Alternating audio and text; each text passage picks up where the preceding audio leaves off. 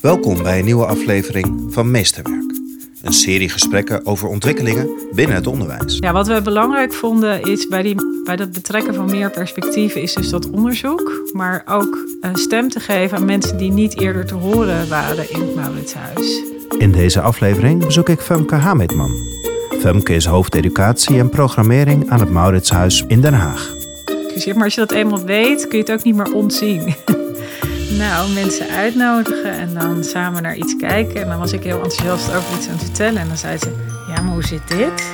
Hebben jullie ook nagedacht hoe dit en dit is voor mij, uit mijn perspectief? Want waarom heeft het meisje met de parel wel al die aandacht? En waarom die zwarte jongens met de parel, waarom kregen die zo weinig aandacht? Het boek Door kunst onderwezen willen worden van Gert Pista is een favoriet van mij.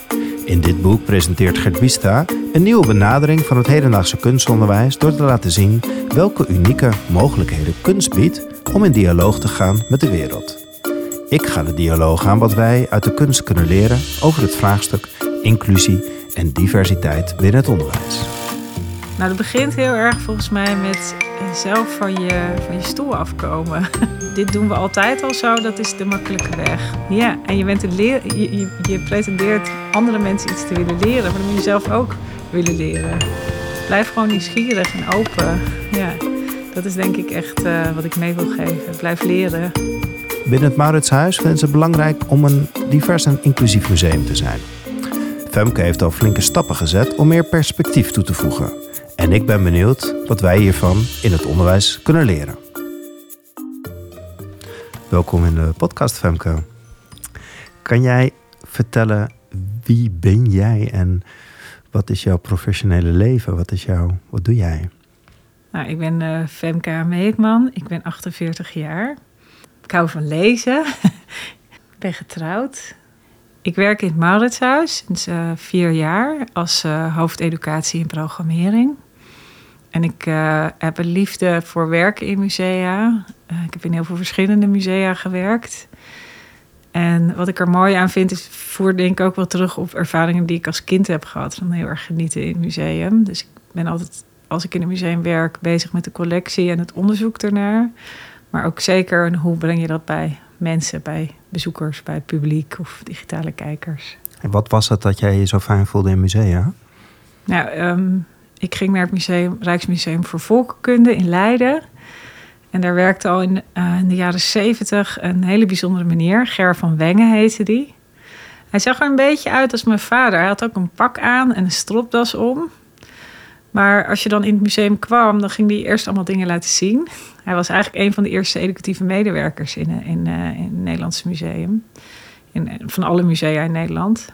Dan trok hij uh, zijn eh, schoenen uit en dan had hij van die beige sokken aan. Weet nog. Een hele lange, dunne man. Ik vond hem echt heel lang, maar ik was, ik was vier, vijf jaar, dus misschien viel het best mee. En uh, dan ging hij uh, met ons de gamelan bespelen. Dus hadden wij eerst die verhalen over Indonesië verteld. Ik herinner me ook de allereerste keer dat ik er was, toen ging het over de Inuit de in-uit, dacht ik. Want zo, ik, ik kon al vrij jong lezen, dus de in-uit had ik gezien. En uh, dat uh, ging over, eigenlijk over reizen in je hoofd, reizen via spullen, uh, iets leren over andere mensen. Het ging ook over de verbeelding, denk ik. En ook al toen al over dat we niet het woord Eskimo moesten gebruiken, want dat, dat was beledigend. Ik denk dat dat ook al, uh, ja, dat heb ik toen echt uh, onthouden. En ik weet ook dat ik ergens, mijn moeder heeft een aantal kindertekeningen van mij bewaard. En dan heb ik ook wel de Inuit getekend. Ja. Dus, dus dat had indruk Werd jouw verbeeldingskracht heel erg aangezet daar? Ja, ik denk dat. geïnspireerd? Ja, ik kon het natuurlijk nog niet goed onder woorden brengen. Maar een soort dat je mag reizen naar iets anders en iets anders leert kennen wat je nog helemaal niet kent. En dat je dan daar zo dichtbij kan komen. Dat, uh, daar werd ik wel door geïnspireerd, ja. ja. En als je dan nu naar jouw werk kijkt in het Mauritshuis, wat, wat zou jij als jouw opdracht omschrijven? Nou, het Mauritshuis heeft een van de mooiste collecties ter wereld als het gaat over de 17e eeuw ook wel een beetje 18e en 16e eeuw. Maar die 17e eeuwse Nederlands, Noord-Nederlandse kunst, maar ook een beetje ja, Vlaanderen, maar vooral Noord-Nederlandse kunst, dus Rembrandt, Vermeer, Hals, uh, Rachel Ruis, Judith Leister. Misschien niet namen die allemaal, uh, zeg maar, household names zijn. Maar als je het ziet, dan zie je de kwaliteit. Ehm, zijn schilderijen die brengen je in de wereld van de gegoede burgerij de 17e eeuw. Want die konden die schilderijen natuurlijk betalen. Maar het stralen ook enorm vakmanschap uit. Het, uh, het gebruik van de kleuren, de manier waarop de schilderijen zijn geschilderd. Ja, ik denk dat je hoeft geen expert te zijn om te zien dat het kwaliteit is. En we hebben een, een van de beroemdste schilderijen ter wereld, Meisje met de Parel van Johannes Vermeer. Eh, de anatomische les van Dr. Tulp. Een uh, stier van Paulus Potter.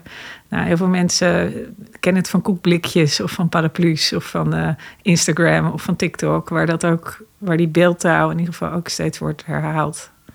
Dat is de collectie, ja. maar naar jouw opdracht in het museum? Mijn opdracht in het museum, ja. Ja, ik denk met die prachtige collectie, hè, iets van die ervaring die ik zelf heb ervaren, dat je zo betoverd kan worden, dat je even in een andere wereld bent, dat je verbonden voelt met iets wat je daar ziet. In het geval van het Mauritshuis gaat het misschien ook een beetje over tijdreizen. Niet alleen maar reizen over de, over de wereldbol, zoals ik heb ervaren in het Museum voor Volkkunde. Maar dat je daar even dichtbij mag zijn, buiten de waan van de dag. Wanneer moet ik boodschappen doen? Wanneer moet ik naar school? Wanneer moet ik naar werk? Dat je daar even, even bij mag zijn en je even mee verbonden mag voelen, op wat voor manier dan ook. Heel positief of eh, misschien ook wel in relatie tot die 17 eeuw, het pijnlijke verleden wat er omheen hangt. Wat misschien niet allemaal zich, eh, direct zichtbaar is, maar wat je ook wel kan voelen op sommige plekken. Ik, ik heb een soort drive om dat met zoveel mogelijk mensen te delen. Ik accepteer ook natuurlijk dat niet iedereen zit te wachten erop. Maar ergens denk ik dat heel veel mensen, als ze daar zich een beetje thuis voelen of een beetje prettig voelen, ehm, dat ze daar ook van kunnen genieten. Kan jij iets zeggen over het publiek wat, wat op de collectie van het Mauritshuis afkomt? Wat, wat komt daar allemaal op af? Ja, uh, buiten coronatijd ongeveer de helft van ons bezoek bestaat uit toeristen. Er zijn veel mensen uit Europa, maar ook normaal gesproken veel mensen uit de VS. Mensen uit uh, Japan en China en Zuid-Korea waren ook in opkomst. Zijn ook veel mensen die dan met bussen komen, die toeristen die uh, in april eerst uh, de prachtige bollenstreek gaan bekijken en dan of daarvoor of daarna bij ons langskomen. En de andere helft van het bezoek bestaat uit Nederlandse bezoekers. En daar zitten heel verschillende soorten bezoekers onder. Ik ga niet in een van de onderzoeksrapport, maar ik, ik heb natuurlijk heel veel rondgelopen.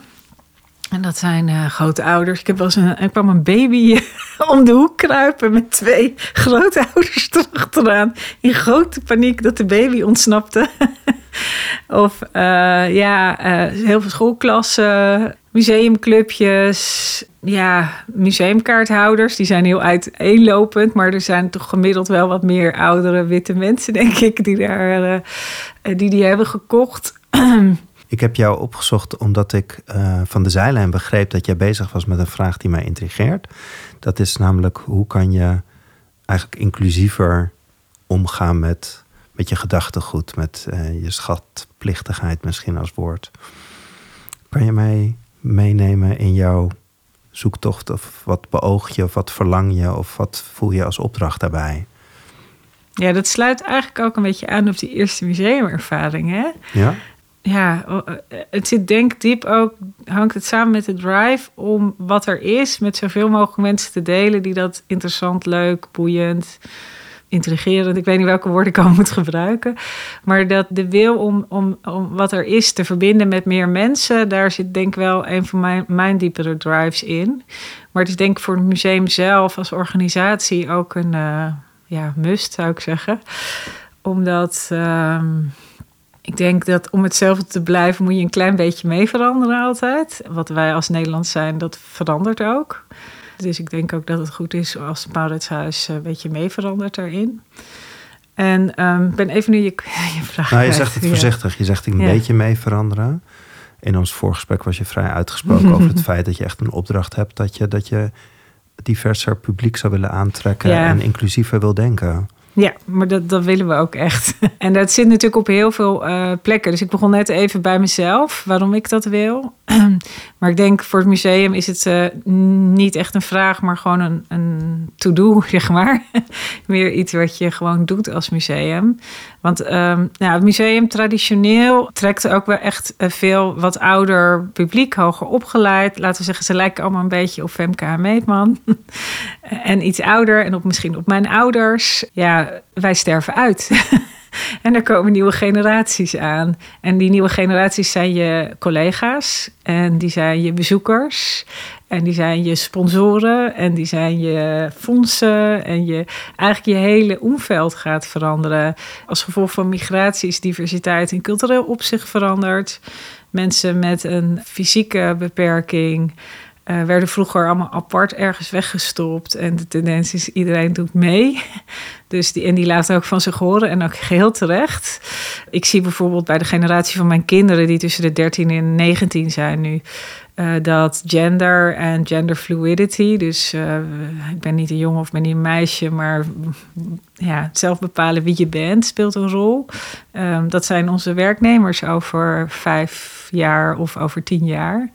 Dus ja, als museum, daarom zeg ik, je moet rustig mee veranderen om uh, hetzelfde te blijven. Dus ja, of je het nou wil of niet, de maatschappij verandert. We hebben vanuit onze DNA, de naamgever Johan Maurits, heeft uh, te maken met koloniaal verleden, kan ik nog veel meer over vertellen. Maar zijn we ook echt uh, ja, hiermee geconfronteerd een jaar of vier geleden. We wisten dat natuurlijk al langer, maar we hebben hier ook een tentoonstelling over gemaakt. Dus dit soort onderwerpen zijn niet onderwerpen die je uit de weg kan gaan. Dus, en ook als we het hebben over een gezamenlijk verleden, want wij kijken natuurlijk terug naar die 17e eeuw met name. Uh, dat is heel belangrijk geweest voor de vorming van uh, identiteit. Maar ons museum is in de 19e eeuw opgericht, waarbij de blik van de 19e eeuw ook heel bepalend is geweest voor hoeveel, hoe heel veel mensen nu naar de 17e eeuw kijken. Um, ja, dat soort dingen moet je allemaal meenemen als je verhalen vertelt over de 17e eeuw. En hoe pak je dat aan, Femke? Hoe beweeg je dan eigenlijk? Want je zegt het ook mooi, hè? vanuit de 19e eeuw kijk je naar de 17e eeuw. Dus je zit ook vanuit een bepaald perspectief. En hoe maak je dan nu langzaam de, de, de perspectief? Hoe voeg je perspectieven toe eigenlijk? Hoe, hoe wees je welkom voor meer diversiteit, ook voor andere perspectieven op, op hetzelfde thema misschien of op hetzelfde schilderij? Kan je een beetje meenemen, wat vraagt dat allemaal van jou als hoofdeducatie en, en, en alles wat je daarin ontwikkelt en ook naar buiten brengt? Ja. Dat is een grote vraag, dat snap ik. Dus ja, we zijn, niet helemaal, we zijn niet helemaal in die 19e eeuw blijven hangen, natuurlijk gelukkig. Maar dat is wel een deel, heeft voor ons DNA bepaald. En uh, de maatschappij verandert, maar ook onderzoek verandert. Dus ik denk dat het goed is om even te beginnen met uh, als je te maken hebt met een naamgever die verbonden is met, het WIC, met de WIC, met het uh, verhandelen van mensen, uh, uh, slavernij, het koloniaal verleden, onderdrukking. dan moet je eigenlijk ook daar goed weten waar het over gaat. En eigenlijk wisten we dat niet zo heel goed. En dat is ook best logisch, want we hebben allemaal kunsthistorici in dienst. En niet per se historici, mensen die veel over de geschiedenis weten. Dus ik ben heel blij dat binnen collectie een jaar of vier geleden een grote onderzoeksgroep is opgestart. Die echt onderzoek doet naar dit verleden, naar onze naamgever. Maar tegelijkertijd ook, hè, dat speelt zich allemaal af in die 17e eeuw, in de tijd waarin dat huis is gebouwd. Uh, de collectie moet je wel trouwens, uh, die, is, die, is, door de koninklijke kant, zeg maar, door Willem I het museum opgericht. Dus wat er in het museum zit, is later toegevoegd. Maar je moet wel echt weten, wat is ons DNA? En, en, dat we daar nu uitgebreid onderzoek naar doen, naar die 17e eeuw, naar Johan Maurits, daar ben ik heel blij mee. Want dat soort dingen kun je dus gebruiken om nieuwe verhalen te gaan vertellen. Je kan de wetenschapper zelf aan het woord uh, laten. Dat doe je bijvoorbeeld, de educatie was, kan een lezing zijn. Kan op heel veel manieren. Uh, maar dat is dus dat is een beetje je basis waar je vanuit je moet werken. Want als je dingen niet weet, dan kun je ze ook niet ja, bij mensen brengen. dus, de, dus dat is heel belangrijk om, uh, om mee te starten. En ja, vanuit daaruit, dan ga ik even die vraag in uh, ja. stukjes ophangen, hakken. Uh, zijn we verder gaan werken. En um, er is een werkgroep Diversiteit en Inclusie. Die heeft een, een duidelijke missie gekregen. Dat is ook hè, binnen het museumraad van toezicht die dat steunt, directie die dat steunt. Dus dat is bijvoorbeeld ook een hele belangrijke tak. Daar kan je als educatie het onderdeel programmering en publiek van oppakken. Als het over personeel en partners gaat, dan zijn natuurlijk ook andere mensen in het museum betrokken. En we doen natuurlijk, doen natuurlijk niks in mijn eentje, dat snap je. Ja, wat we belangrijk vonden is bij, die, bij dat betrekken van meer perspectieven, is dus dat onderzoek, maar ook. Um, stem te geven aan mensen die niet eerder te horen waren in het Mauritshuis. Uh, of die misschien ook niet altijd uh, goed zichtbaar of zichtbaar op de schilderijen zijn. Er zijn heel veel uh, verhalen weggelaten. Want als je in de 17e eeuw schilderde en je wilde je schilderijen verkopen aan de gegoede burgerij, ja, dan ging je misschien niet over ongemakkelijke onderwerpen zitten schilderen, zou ik maar zeggen. En ook de schilders die meegingen met Johan Maurits naar Brazilië, laten hele blije zwarte mensen zien die daar in slavernij werkten, maar die op de schilderijen vaak wel heel vrolijk zijn afgebeeld. Of uh, je ziet wel misschien de zwarte bedienden die vanuit dat systeem van slavernij wel in Nederland terechtkwamen waar slavernij verboden was. Maar uh, die hier waren zonder enige familie. Dus even terug naar die 17e eeuw schilderij. Je weet niet altijd wat je daarop ziet. Of dat een geconstrueerde werkelijkheid is of het uh, nep is eigenlijk. Omdat het zo mooi samen is als plaatje. Of dat het een... Uh, weergave van de werkelijkheid is. Bij een portret heb je natuurlijk een bepaalde mate van weergave van werkelijkheid. Maar hoe werkelijk dat is, weten we niet. Ik bedoel, nu hebben we ook Photoshop. In die tijd konden ze er natuurlijk ook wat van. Als ze wilden een leuke onderkin wegwerken of iemand erbij zetten of iemand weghalen of iemand toevoegen later. Dus ja, um, dus dat is even zeg maar een soort de basis van waar je uit werkt. En uh, wat ik merkte toen ik in het Maurits... Ik, ik ben afgestudeerd ooit in die 17e-eeuwse Noord-Nederlandse schilderkunst. En toen ik daarin afstudeerde, was het allemaal, ja, dit is de basis van Nederland. Er werden ook nog allerlei uitspraken gedaan door de toenmalige minister-president en zo. Over, uh, ja, een soort identificatie met die mooie bloeitijd van Nederland. Maar uh, tussen de, Balken die ja. de VOC-mentaliteit omarmen. Ja, ja. ja, dat was wel een beetje de tendens in de jaren negentig nog. Hè? Uh, toen ik afstudeerde of toen ik studeerde. Dat dat uh, bloei was en mooi. En het, het, is nog steeds, ik vind die schilderij nog steeds prachtig. Hè? De, de, maar um, er zijn wel meer perspectieven bijgekomen. Dus ik, ik heb zelf ook een soort verandering moeten doormaken vanaf dat ik daar leuk in 1993 aan de poort van de Universiteit van Amsterdam stond.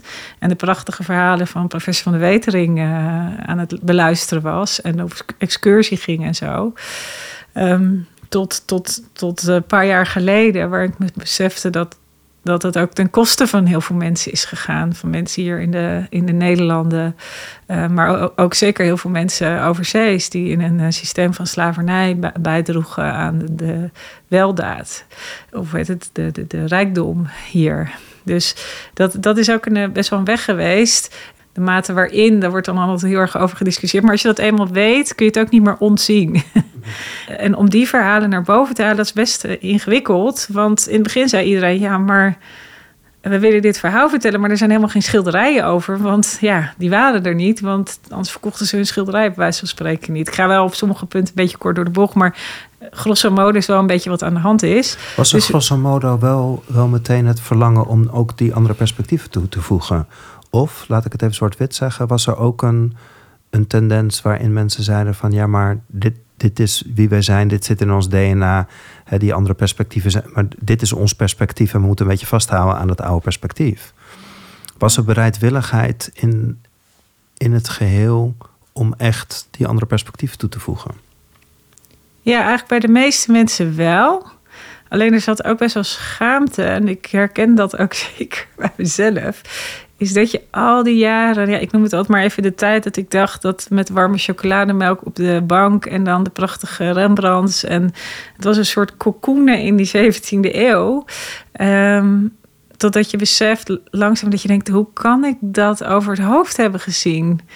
Uh, hoe, ook hoe vrouwen zijn afgebeeld. Ze zijn altijd uh, een prachtige moederrol of ze zijn hoer. En er zit eigenlijk heel weinig tussenin hoe kan ik dat al die tijd niet hebben gezien? Dus ik, ik denk dat bij sommige mensen wat weerstand uh, zat.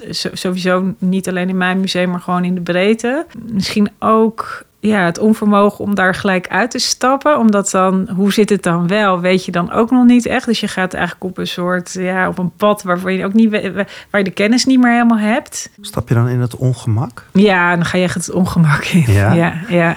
Kan jij mij helpen, of misschien aan de hand van voorbeelden of, of in jouw woorden, van als je in dat ongemak staat, wat ontmoet je dan en, en hoe eik jij dan je kompas dat je nou, nu zoveel jaar later dan staat waar je nu staat? Wat hielp je daarbij? Nou, tegenspraak krijgen. Wat bedoel je daarmee?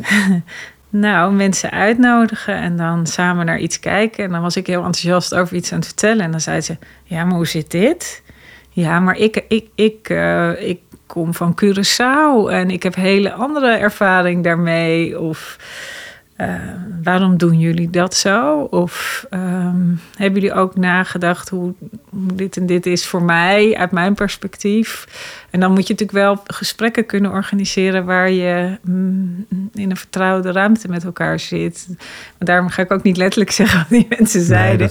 Nee, maar um, ja, waarin je dat kan. En, en daar ben ik ook wel echt heel dankbaar voor. Want er waren dus mensen om me heen die die uh, ruimtes eigenlijk al hadden gemaakt. Zeg maar. Ik denk bijvoorbeeld ook aan het Haagse Historisch Museum. Uh, waar een netwerk is, waar veel mensen met een migratieachtergrond in zitten, waar ik ook heel enthousiast in ging en waar ik ook die feedback ook wel te horen kreeg.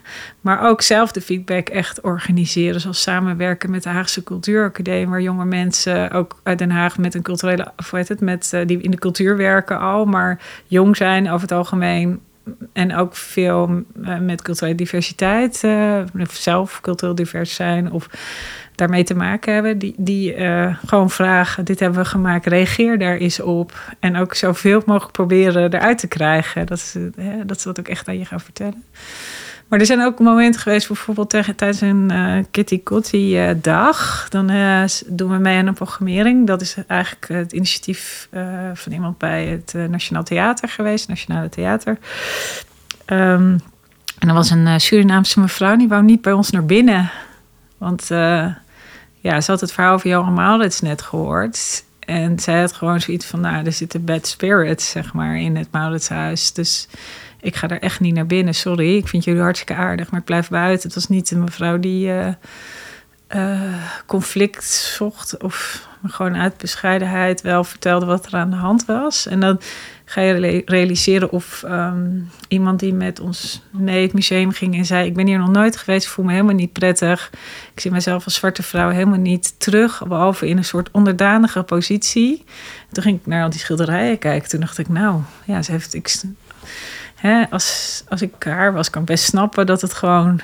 Hè, ja, ik denk wel dat het teruggeeft op eerdere ervaringen bij mijzelf, waar ik uh, de enige witte vrouw was geweest in een omgeving in uh, Mexico, waar ik een bank binnenkwam, waar iedereen me aanstaarde. Dus dat je zelf, ik had wel ervaringen gehad, zeker niet op de schaal als die mevrouw waar ik het net over heb, maar dat je even hebt gevoeld van ik ben hier echt in de minderheid en ik ben hier ook niet degene die bepaalt hoe het gaat dat gevoel van nederigheid en het idee dat je dat dan elke dag hebt, kan hebben, altijd de ander zijn, ja, daar kon ik wel een beetje iets terugvinden in mijn eigen ervaringen, waardoor ik daarop uh, kon aanhaken. Dus het zit op verschillende niveaus, namelijk op kennisniveau, op uh, je eigen kritiek organiseren, of hoe zeg je dat? Je eigen ja, je eigen feedback uh, organiseren. En niet alleen maar de uh, mensen die helemaal, al helemaal blij met je zijn.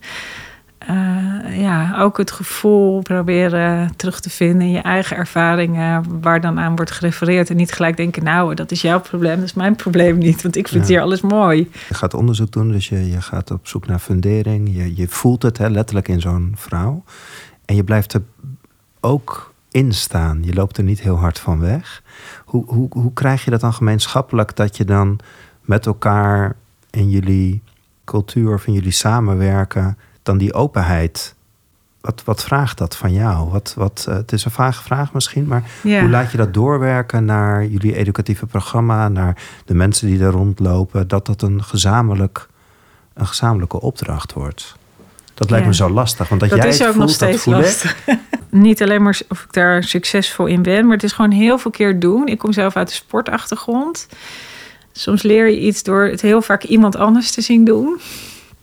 Dus wij gingen ehm, iemand uitnodigen die, uh, waarvan ik wist dat ze een Ghanese uh, achtergrond heeft. Ze is zelfs een Ghanese prinses.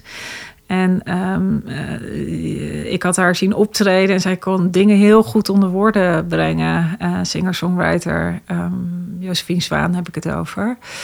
En ik dacht, als zij nou kijkt in dit museum vanuit haar blik, misschien kan zij dingen onder woorden brengen die ik bijvoorbeeld niet onder woorden kan brengen, die zij voelt. En dat heeft ze ook geweldig gedaan in een nummer dat heet Koning.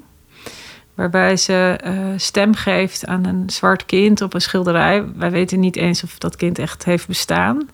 En eigenlijk kreeg het kind in de tekstwoorden ook heel weinig aandacht. Uh, daar zijn we natuurlijk wel uh, beter in geworden om dat beter te verwoorden. Maar het wordt niet de hoofdpersoon op het schilderij, maar om, om ook die aandacht te krijgen. Of een spoken word artist die 16 was toen volgens mij en door het museum liep en um, een spoken word hield over The Boy with the Pearl Earring. Uh, er zijn dus heel veel zwarte jongens die een, een, een pareloorbel in hebben. En dat viel haar op. En daar heeft zij, want waarom heeft het meisje met de parel wel al die aandacht? En waarom die zwarte jongens met de parel, waarom krijgen die zo weinig aandacht? Uh, als je dus mensen uitnodigt, maar ook uh, de ruimte geeft om iets te maken. En ze daar natuurlijk ook gewoon voor uh, hè, waardeert en betaalt. en opdracht geeft. dan komen er soms de prachtigste dingen uit. Daar heb ik eigenlijk heel veel positieve ervaring mee.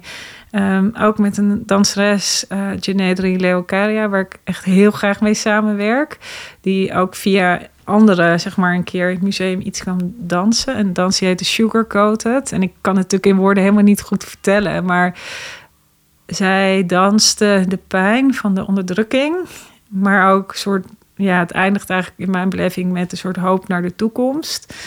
Uh, het ging ook over haar eigen roots. Um, ja, dat is op die plek in het Mauritshuis, in de Gouden Zaal. Zo'n zaal die echt was voor het, hoe heet het, het, het, laten voelen van dit is een machtige plek. Waar zij die dans doet, zo kwetsbaar. En ik merkte ook dat sommige collega's bijvoorbeeld die daarbij waren... die echt wel moeite hadden met dit onderwerp... of misschien ook niet altijd echt over wilden praten... Uh, door dat te zien of door dat lied te horen of door die dans te zien... zo betoverd werden. En opeens ja, het ook op, over andere dingen ging dan alleen maar dingen met je hoofd. Maar over de echte pijn die sommige mensen voelen over dat verleden. Die zo tastbaar werd door uh, kunstvormen. En uh, niet alle collega's zijn bij alles altijd. Maar ik probeer wel, uh, ook nu in coronatijd makers te blijven uitnodigen om ons te blijven prikkelen over dit onderwerp. Dus we hebben bijvoorbeeld onlangs een een monoloog uh, door een jonge autrice laten doen. Die, uh, die zichzelf dubbelbloed noemt. En vertelt over haar Surinaamse opa en haar Nederlandse oma. En ook het verhaal van Johan Maurits, dat ze uiteindelijk met die oma in het Mauritshuis komt en wat het allemaal met haar doet. Omdat het haar vragen stelt over haar eigen verleden. En dat zijn zulke pure ervaringen. Ja, daar kan je gewoon niet op omheen. En om uh, die ook, uh, die, die stemmen die waren ook nog niet uh, zoveel gehoord in het Mauritshuis. En ook om die direct ook weer met onze bezoekers te delen, waarvan een deel ook niet over dit soort onderwerpen nadenkt. Ja, probeer ze toch een soort vliegwiel te maken om uh, iets op gang te brengen. Want het is heel authentiek. Kijk, ik kan wel allemaal dingen vertellen aan mensen, maar um, door, het, door, door kunst te laten voelen, door, door theater of dans of zang of ja, fotografie gaan we ook dingen mee doen. We hebben een directeur ook trouwens die dit heel erg uh, steunt. Die hier uh, ruim banen aan geeft. Die hier zelf uh, dingen programmeert eigenlijk over dit, soort, over dit onderwerp. Um, maak je het heel tastbaar. Het zit namelijk al in de mensen om ons heen. En uh, niet per se in alle medewerkers van het Mauritshuis, maar uh, het is wel iets waar we iets. Het is ons gezamenlijk verleden. En ons koninkrijk is is groter dan van Groningen tot Limburg. Het gaat ook over Hè, wat, uh, Curaçao hoort er ook bij, bijvoorbeeld, om maar te noemen. En uh, Indonesië, uh, Nederlands-Indië is natuurlijk ook heel lang onderdeel van ons koninkrijk. Als we het over die 17e eeuw hebben. Suriname, nou ja, al, al, heel veel gebieden zijn natuurlijk een deel van, het, van wat het Nederlandse verhaal is. En de mensen die daar vandaan komen, wonen hier. En wonen ook in het overzeese deel van, van het koninkrijk. En ja, we hebben een gezamenlijke geschiedenis. En dat opnieuw op zoek gaan naar dat verhaal, dat is ook best spannend. Want het is ook, nou, het is ook best gevoelig. En uh, je wilt het ook, ja, tenminste, ik heb wel de neiging om het goed te willen doen. Tegelijkertijd is het ook niet iets wat je altijd in één keer goed kan doen, omdat, uh, omdat heel veel onderzoek of kennis of heel veel gevoelens daarover uh, naar buiten komen naar aanleiding van een ruil of naar aanleiding van niet leuke dingen of zo. Dat is meteen heel scherp. Ja, ja, ja, en dat is een beetje ja, ongemakkelijk. Ja, je vertelt heel mooi, hè? dus je nodigt mensen uit om vanuit hun perspectief te kijken en dat dan in te brengen. Je geeft het een plek, jullie geven het ruim baan, zoals je zo mooi zegt. Vraagt dat dan nog bedding? Ja, dat heb ik ook niet altijd even goed gedaan. Dat is dus ook iets waar ik denk ik nog moet leren. In het begin gingen we het heel erg zelf doen als afdeling of misschien ik ook wel, met nog een paar mensen in andere afdelingen die ook voelden van dit moet. Maar het is nog steeds moeilijk om sommige dingen te delen. En zeker nu in coronatijd. We kunnen niet met z'n allen een dag organiseren waar we allemaal gaan luisteren naar workshops of dingen gaan maken of dingen gaan ervaren. Eh, we zitten allemaal achter die schermen. Dus het delen daarvan is lastig. En ik denk dat de meeste kans zit in de mensen die er in ieder geval voor openstaan. We zijn bezig met het idee, dat komt van uh, mijn directeur volgens mij, uh, Martine Gosselink, voor een talentklas. Dus um, een aantal instellingen in Nederland, uh, bijvoorbeeld het Stedelijk Museum was volgens mij een van de eerste, die hebben blikopeners. Dus jonge mensen die in hun museum mee gaan draaien bij bepaalde dingen. Dus ervaring opdoen over museumwerk. En daar hopelijk ook een soort vonkje mee krijgen. Maar tegelijkertijd dat het museum ook dingen leert van de blik van uh, de buitenstaander, uh, of tenminste nog relatieve buitenstaande jonge mensen, een andere blik op, op hun werk, op hun collectie. En uh, ze zei, ja, daar wil ik eigenlijk ook heel graag aan bij, bijdragen. En um, nou, een heel mooi gesprek met haar. Want ik zei ook, is dit ook... Want ik weet dat zijn dochter een beetje van... Nou, ongeveer mijn dochters leeftijd heeft. Is dit ook iets wat je vanuit je kinderen voelt? Ja, zei ze, mijn dochter is er echt mee bezig. Dus soms... Um, ja, ze zei ook, mijn hoofd is, moet een beetje veranderd worden of zoiets, zei ze. En dan denk ik, ja, daar word ik dus heel blij van. Want ja, we moeten het wel samen doen. Er zitten natuurlijk ook een paar mensen gewoon heel erg op slot. Of ja, om allerlei redenen niet mee willen doen. Um, ja, ik ga er ook niet helemaal nee, over, zeg maar. Wat ik in ieder geval beluister en ook wat ik uit het vorige gesprek heb meegenomen, het heeft ook, je, je plant zaadjes en je hebt, het is niet meteen morgen altijd opgelost, dus je moet een lange adem hebben. Ja. Je hebt de code binnen het, eh, de culturele instellingen, yeah. de code diversiteit. In hoeverre kan je zeggen dat zo'n code, doordat er wordt afgesproken, we hebben die code en we leggen eigenlijk alles langs of we wegen uh, dingen langs die code van diversiteit. In hoeverre helpt dat? Oh, dat helpt mij in ieder geval wel heel erg. En ik denk ook de organisatie. Kijk, die code is een soort leidraad die je kan gebruiken om beleid op te zetten. Want in het begin was het allemaal nog een beetje loszand. Die deed dit en die deed dat. En uiteindelijk, uh, dat was al onder de vorige directeur, Emily Goordenker, is er een, uh, een soort visiestatement gekomen voor de werkgroep. Die ook, uh, weet je wel, echt bestuurlijk ook is verankerd. En vanuit zo'n visie ga je een plan schrijven. En, en, en, dat is dan gebaseerd op die vier P's van de Code DI. Het begint natuurlijk met waarom wil je dat? Nou, dat staat dan ook in je visie. Uh, maar die vier P's, dat gaat over personeel. Dus diversiteit en inclusiviteit in personeel. In je programmering, in je publiek en in je partners, je stakeholders. Maar het gaat ook, denk ik, over financieel partnerschap. Dat in ieder geval de mensen waar je mee werkt dat ook uh, steunen. En liefst ook ja, ja, zelf helemaal omarmen, zou ik maar zeggen. Dus het geeft wel het kader weer waarbinnen je... Je, je aan moet werken, ja. ja. Dus alleen vanuit mo intrinsieke motivatie, dat is een grote drijfveer, maar dat er zo'n landelijk kader is. helpt ook om die beweging naar voren te maken. Ja, en ook om het goed te organiseren in je museum. Zit je ook steeds, ja, maar waarom gaan we dit doen? Nou, dit valt onder de P van personeel. of waarom zijn we dit aan het doen? Nou ja, dat je dus steeds, en dat staat ook in die code, uh, pas toe en leg uit. Dat, je terug, dat je een beleid hebt om terug te vallen, om uit te leggen wat je aan het doen bent en waarom je dat aan het doen bent. Namelijk, we vinden het belangrijk om een divers en inclusief museum te zijn, omdat ons ook toekomstbestendig maakt, omdat het hoort bij wie we zijn. Dit zijn wij. Ja. En dit willen we ook zijn. Deels zit er ook een ambitie in natuurlijk. Ja. Ik heb jou uitgenodigd om uh, eens mee te kijken in, in het vraagstuk waar ik mee bezig ben. Hè, diversiteit binnen het vrije schoolonderwijs. Je hebt ook geluisterd naar een podcast van een nieuwe school, Waldorf aan de Werf, die daarop bewegen. Wat, wat zou jij mee willen geven? Ja, ik zou zoveel willen zeggen. Ik, ik, ik zou eigenlijk, als ik die podcast zeg, ga gewoon door. ga gewoon door. Ja, met... Zij is in die zin redelijk uniek, hè? Dus het vrije schoolonderwijs, ik vergelijk het even dan met het Mauritshuis in de zin van het bestaat lang. Het, is, het heeft een, een, mooie gezamenlijke bron. En het heeft nu eigenlijk wel het verlangen om meerdere perspectieven toe te voegen. Maar ze weten nog niet zo goed hoe of wat. Of... Nou, dat begint heel erg volgens mij met zelf van je, van je stoel afkomen. Want dit, is, dit doen we altijd al zo, dat is de makkelijke weg. Dus uh, ga met die mensen praten. Ga ze ook echt opzoeken. Ja, ik, ik heb, bij mij heeft uh, social media daar ook heel erg bij geholpen. Ik ben gewoon allemaal mensen gaan volgen die, om maar zo te zeggen, juist buiten mijn bubbel zaten.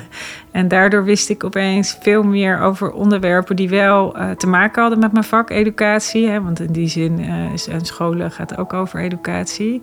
Maar die misschien ook andere en nieuwe verhalen vertelden. Kijk bijvoorbeeld uh, naar kinderboeken. Er zijn zoveel kinderboekeninitiatieven nu die zoveel inclusiever aan het worden zijn dan zelfs toen mijn kinderen klein waren, een jaar of 10, 15 geleden. Um, de inclusieve kinderboekenwinkels. Uh, je kan ook boeken gaan bestellen. En dat, dat geeft al door, alleen al door dat soort dingen en schrijvers te vragen. Misschien zijn dat makkelijke ingang om eens te beginnen, die dicht bij, uh, bij het hart van de, wat een school is of waar een school voor staat, uh, zijn. Um, ja, ik probeer veel te lezen. Ook van iets jongere mensen. Ik ben 48, zei ik aan het begin. Nou, mensen van rond de 30 is, is het vaak, nou ja, die, die is het vaak ook een gegeven gewoon. Dus ik, ja, ik probeer dingen te lezen, eh, mensen te volgen. Uh, maar ook ergens naartoe te gaan. Bij het Mauritshuis zijn we nu bijvoorbeeld fietstocht door Den Haag aan het maken. Want heel veel van onze medewerkers werken niet, wonen niet in Den Haag. Werken we in Den Haag, wonen niet in Den Haag. Uh, we gaan langs allerlei maatschappelijke organisaties. En dan zie je ook dat er allerlei vragen zijn. En waar wij best wel iets mee kunnen. Ja, wacht niet tot mensen naar jou toe komen, maar ga naar mensen toe. Organiseer je eigen kritiek. Dat is denk ik, uh, laat mensen eens meekijken en meedenken wees ook niet bang om dan uh, nou ja, om te falen. Of dat, dan gaat er ook wel eens iets niet goed. Hè? Mensen willen honderd dingen van je, maar je kan er maar twee. Dus je moet ook wel zeggen, sorry, nou, dat kan nu niet. Maar niet altijd blijven zeggen, hè, wij doen het altijd al zo, dus we blijven doen. Dat lijkt me een slecht uitgangspunt voor welke organisatie dan ook. Om een ander toe te laten, moet je echt naar die ander bewegen en vanuit dat perspectief meekijken. Ja, en je, bent een leer, je, je, je pretendeert andere mensen iets te willen leren, maar dan moet je zelf ook willen leren blijf gewoon nieuwsgierig en open. Ja, dat is denk ik echt uh, wat ik mee wil geven. Blijf leren. Nou, Femke, dank je wel. Ja, dank jou wel. je luistert naar een podcast in de serie Waarde van het Vrije Schoolonderwijs, waar leden van de kenniskring inzichten en vragen delen over het vrije schoolonderwijs. Daarnaast komen in deze serie mensen aan het woord die vanuit hun ervaring of expertise hun licht laten schijnen op het vrije schoolonderwijs. Like deze uitzending, zodat meer mensen ons makkelijker kunnen vinden. Tot de volgende aflevering in deze serie.